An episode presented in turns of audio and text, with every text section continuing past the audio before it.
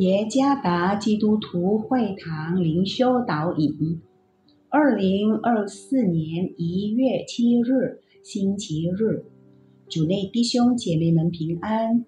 今天的灵修导引，我们要借着圣经出埃及记第三章第一到十四节来思想今天的主题。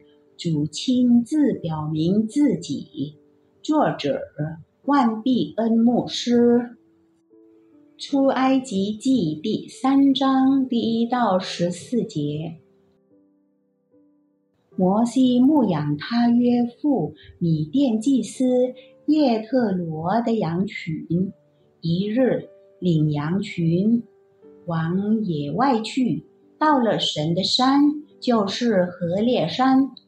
耶和华的使者从荆棘里火焰中向摩西显现，摩西观看，不料荆棘被火烧着，却没有烧毁。摩西说：“我要过去看这大异象，这荆棘为何没有烧坏呢？”耶和华神见他过去要看。就从荆棘里呼叫说：“摩西，摩西。”他说：“我在这里。”神说：“不要近前来，当把你脚上的鞋脱下来，因为你所站之地是圣地。”又说：“我是你父亲的神，是亚伯拉罕的神，以撒的神，雅各的神。”摩西蒙上脸，因为怕看神。耶和华说：“我的百姓在埃及所受的困苦，我实在看见了；他们因受督工的辖制所发的哀声，我也听见了。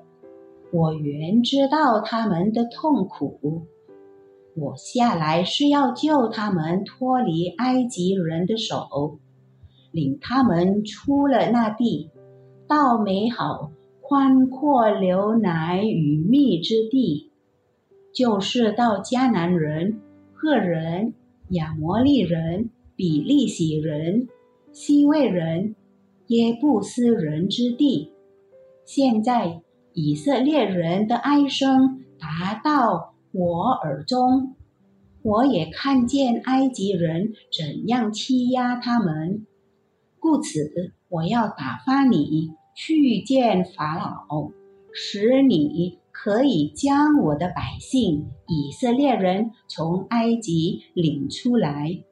摩西对神说：“我是什么人，竟能去见法老？”将以色列人从埃及领出来呢？神说：“我必与你同在。你将百姓从埃及领出来之后，你们必在这山上侍奉我。这就是我打发你去的证据。”摩西对神说：“我到以色列人那里，对他们说。”你们祖宗的神打发我到你们这里来，他们若问我说，他叫什么名字？我要对他们说什么呢？神对摩西说：“我是自有拥有的。”又说：“你要对以色列人这样说：那自有的打发我到你们这里来。”人们常说我的名字与使徒彼得的法语名字相同，Petrus 或 Pierre。这个名字的含义让我感到惊讶，其意思是磐石。也许今天的听众对此不感兴趣。当基督说你是彼得时，他是在说，彼得就像一块磐石，必须要像磐石一样的坚固，不会被海浪和风暴所摇动。你的名字有符合你性格的含义，或者因为那个名字塑造了你的性格吗？许多时候，有很好含义的名字，并不一定能让一个人拥有一个好名声，反之亦然。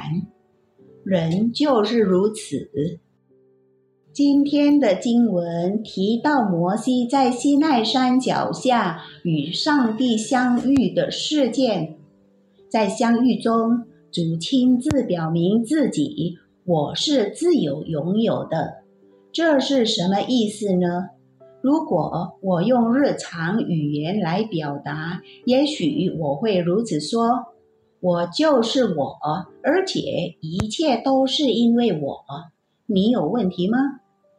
有限的人类无法完全理解上帝名字的含义，然而至少这是对神充足性的陈述。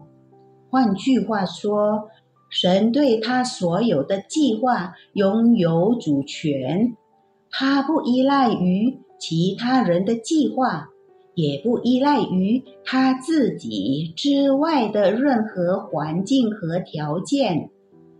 当上帝说“我是自由拥有的”，同时也表示他是人类所需一切的主要原因。当他回答摩西关于他名字的问题时，这样的表达陈述了它也是肉眼看不见的事物的原因。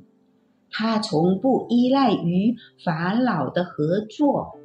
它是永恒的神，有主权，不改变，无所不在，无所不知，无所不能，并且全备。如果磐石有坚固、坚定、不可动摇的含义，那么我是自由拥有的，实在是无法用任何东西来比较和描述。他有权柄在地球上做他要做的任何事情。认识那表明自己是成为一切可见和不可见事物的主要原因的上帝，是个无价的祝福。可想象，无与伦比的那位来到了。在埃及受压迫的以色列人，然后释放了他们。